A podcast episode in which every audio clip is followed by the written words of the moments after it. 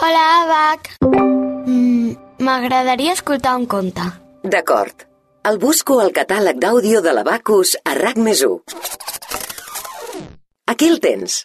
La caputxeta vermella amb Agnès Marquès. Hi havia una vegada, enmig d'una gran ciutat, una mare que vivia sola amb la seva filla. Era una nena molt espavilada i valenta que mai tenia por de res i la seva mare tenia feina per seguir-la per tot arreu. Per no perdre-la enmig de la gentada, li va fer una capa vermella.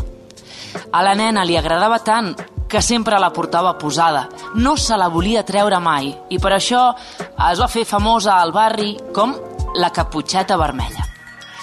Un dia la seva mare li va demanar si podia portar uns tàpers de caldo molt bo que havia fet per l'àvia, perquè no es trobava bé.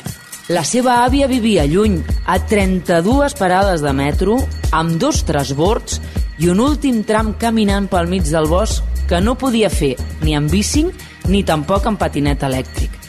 La caputxeta va dir a la seva mare que ja li portaria a ella. Va posar-se la caputxa, va agafar el cistell i va sortir cap a casa l'àvia. No havia fet ni 50 metres que la caputxeta ja s'havia aturat a fer fotografies a una gota d'aigua que brillava enmig d'una fulla. Volia tenir la foto perfecta i sense adonar-se'n ja portava 10 minuts i més de 50 fotos disparades. I amb tot això va aparèixer el senyor Llop. Bona tarda, Caputxeta. Què fas tu per aquí? Bona tarda, senyor Llop. Anava a casa l'àvia a portar-li un caldo molt bo que ha fet la meva mare. I el senyor Llop, en aquell moment, va tenir la pitjor idea que podria haver tingut. Va voler enredar la caputxeta per poder arribar ell abans a casa l'àvia.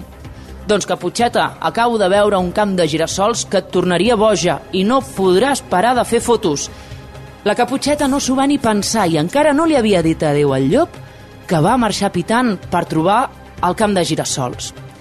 Mentrestant, el senyor Llop, que era astut com ell sol i també trampós com una mala cosa, va anar corrents cap a casa l'àvia. Es coneixia el bosc com el palmell de la seva mà.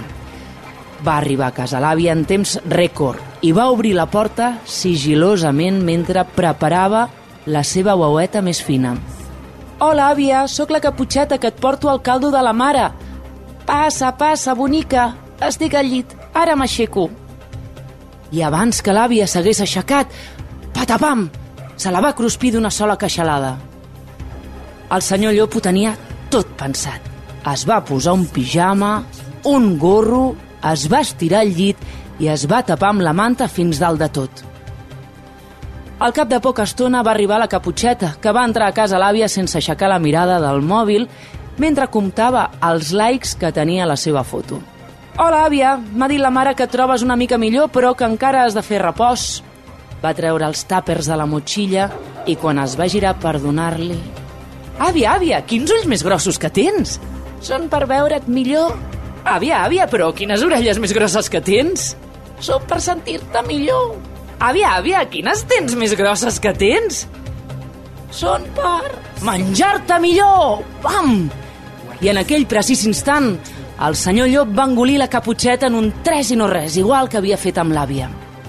Mentrestant, un veí que havia vist com el llop entrava a casa l'àvia va veure que la porta de la casa estava oberta i va sentir uns profuns roncs que venien de l'habitació. Era el senyor Llop, que estava fent una bona migdiada al llit. Tenia una panxa tan grossa que el veí va veure claríssim que alguna cosa havia passat. Va decidir obrir-li el ventre i l'àvia i la caputxeta eren allà dins, sanes i estàlvies. Tots tres van voler tornar-li al llop la mala pensada i van posar-li dins la panxa les pedres més grosses que van trobar. Van tancar-li de nou i es van amagar. Quan el senyor llop es va despertar, tenia tanta set que va anar al riu a beure aigua, però només inclinar-se va caure i de quatre potes sense poder-se aixecar de tant que li pesaven les pedres. I allà es va quedar.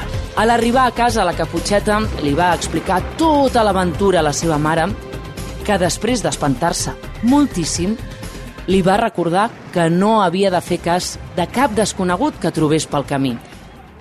I fins aquí el conte de la caputxeta vermella. És un conte que he triat perquè recordo la mare explicant-me'l el missatge em sembla molt efectiu i útil, malauradament encara per les nenes. De fet, és un dels contes que més explico a la meva filla.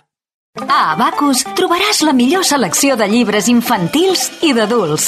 Jocs de taula, joguines i tecnologia. Un univers de manualitats i articles de papereria. Idees i propostes apassionants per gaudir en família. Abacus ho té tot. Vine a la teva botiga Abacus o visita la nostra web abacus.coop.